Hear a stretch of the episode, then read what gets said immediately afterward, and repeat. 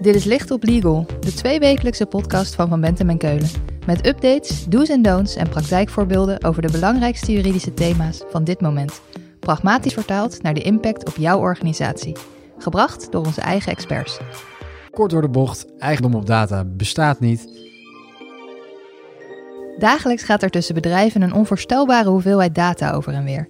E-mails, klantgegevens, productgegevens, noem maar op. Maar van wie is die data eigenlijk? En hoe krijg je die data weer terug? Daarover praten we deze keer in Licht op Legal met Jan Brulman. Hij stelt zich even voor. Mijn naam is Jan Brulman en ik ben advocaat en partner in de praktijkgroep Information Technology. Uh, ik hou mij voornamelijk bezig met vraagstukken op het uh, snijvlak van technologie en recht. Jan is daarnaast expert-auteur bij Computable, het grootste ICT-platform van Nederland. In zijn praktijk ziet hij veel contracten over data. En hij houdt zich bezig met wat de gevolgen zijn voor bedrijven als je de zeggenschap over data goed, of dat kan natuurlijk ook, slecht regelt. Jan, om af te trappen. De vraag die iedereen bezighoudt: is het data is of data zijn? Taalkundig is het juist om data als meervoud aan te merken, maar in het uh, dagelijkse taalgebruik wordt data als enkelvoud aangeduid. Mooi. Dan gebruiken we data is, maar zonder dolle. Mijn data, die is toch gewoon van mij? Hoe zit het nou met eigendom van data? Ja, er wordt uh, veel gesproken over eigendom op data, maar de, de, in de literatuur en jurisprudentie wordt overwegend aangenomen, hè, discussies daar gelaten, uh, dat men geen eigenaar van data kan zijn. Het eigendomsrecht is uh, namelijk beperkt tot zaken, zo bepaalt het burgerlijk wetboek. en zaken zijn voor menselijke beheersing vatbare stoffelijke objecten.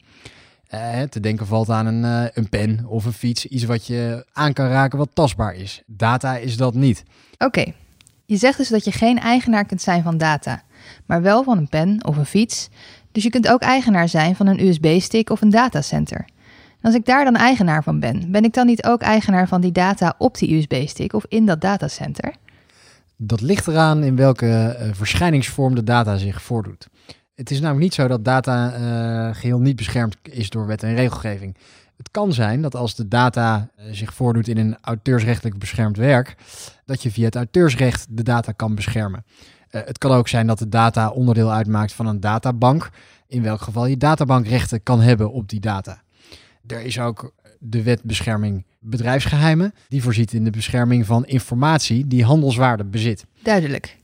Maar hoe zit het dan met mijn gegevens? Informatie die over mij gaat, over mijn persoon.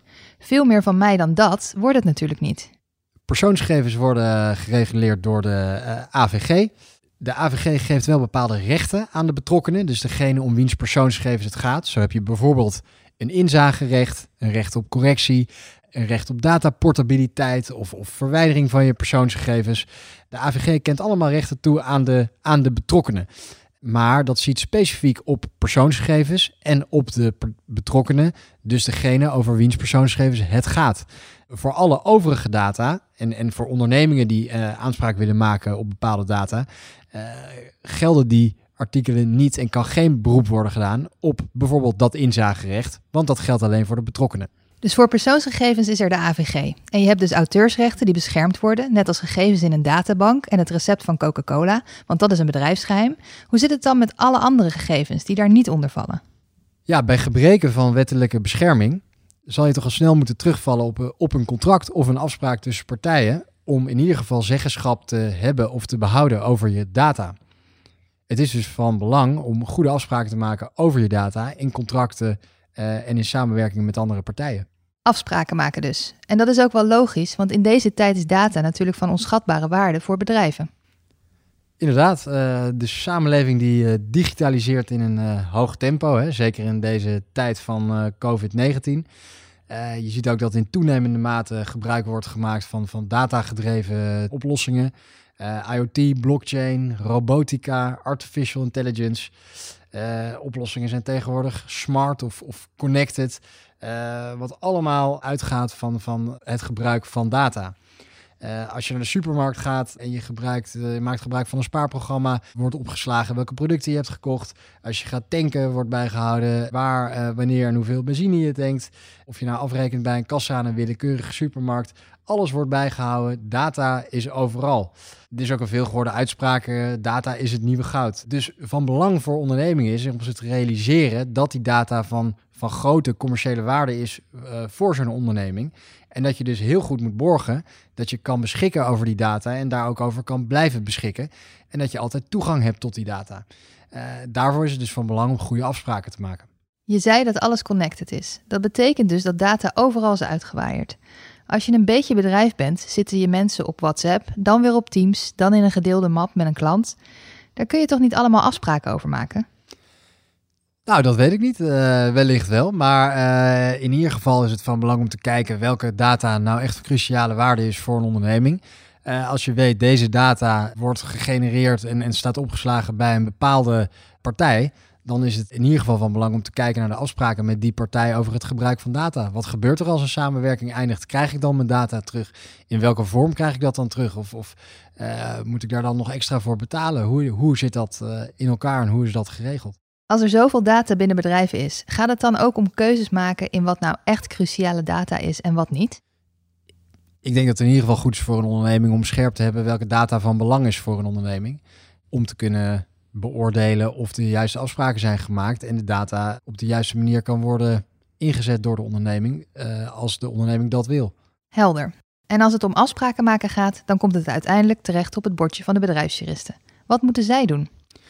Ik denk dat het goed is om eerst te kijken om welke data gaat het nou precies? Waar hebben we het over? En, en is er misschien al wetgeving die deze data beschermt? Is het misschien uh, data die al een auteursrechtelijk uh, beschermd werk vormt? Is het uh, wellicht onderdeel van een databank? Is het wellicht een bepaald recept of, of, of geheim wat een bedrijfsgeheim kan zijn? In dat geval heb je natuurlijk al wettelijke bescherming. En ook in dat geval is van belang om in het contract te regelen dat je bijvoorbeeld aan de partij die daar gebruik van maakt een beperkte licentie geeft die niet eeuwigdurend is bijvoorbeeld om, om zo goed je IE-rechten of bedrijfsgeheimen te kunnen beschermen. Dus ik denk dat allereerst van belang is om te kijken uh, waar hebben we het nu precies over.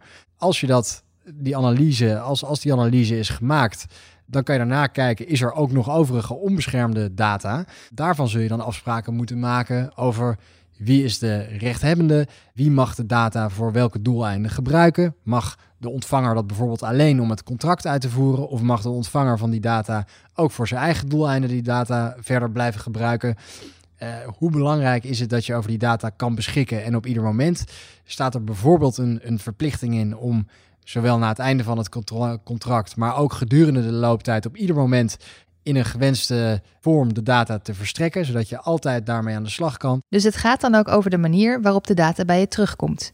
Daarover moet je dus ook afspraken maken, zodat je niet straks met een berg nullen en ene zit waar je niks mee kan. Dat klopt. Je ziet nog wel eens dat, dat er dan geschillen ontstaan over de wijze waarop de data moet worden teruggeleverd. En dat inderdaad gewoon een, een brein aan nullen en ene wordt teruggegeven, uh, maar niet in een, in een leesbare vorm waarmee de, de onderneming uh, meteen verder kan. Maar dat er eerst nog een vertaalslag moet worden gemaakt waar enorm veel tijd en kosten in gaan zitten. En als ik die data terug heb gekregen en mijn samenwerking is klaar, dan wil ik natuurlijk ook dat hij op de delete-knop drukt. Ja, dat is ook een hele veel voorkomende afspraak die je opneemt in het uh, contract. Dat data wordt uh, vernietigd na het eindigen van het contract.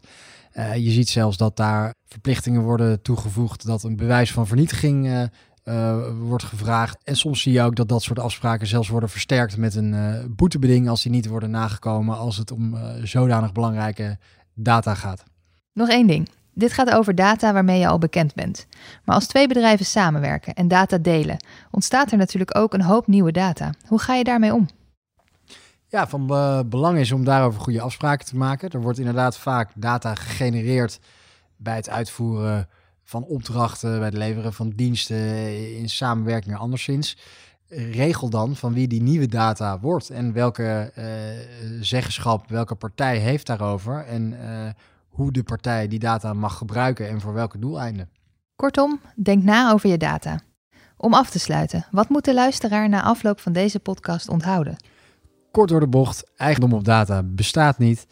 Uh, data is tegenwoordig wel van cruciale waarde voor ondernemingen. Uh, zorg er daarom ook voor dat je goede contractuele afspraken maakt over de toegang en zeggenschap met betrekking tot die data. En wees ervan bewust dat de data ook beschermd kan zijn door andere wet en regelgeving. Jan, dankjewel.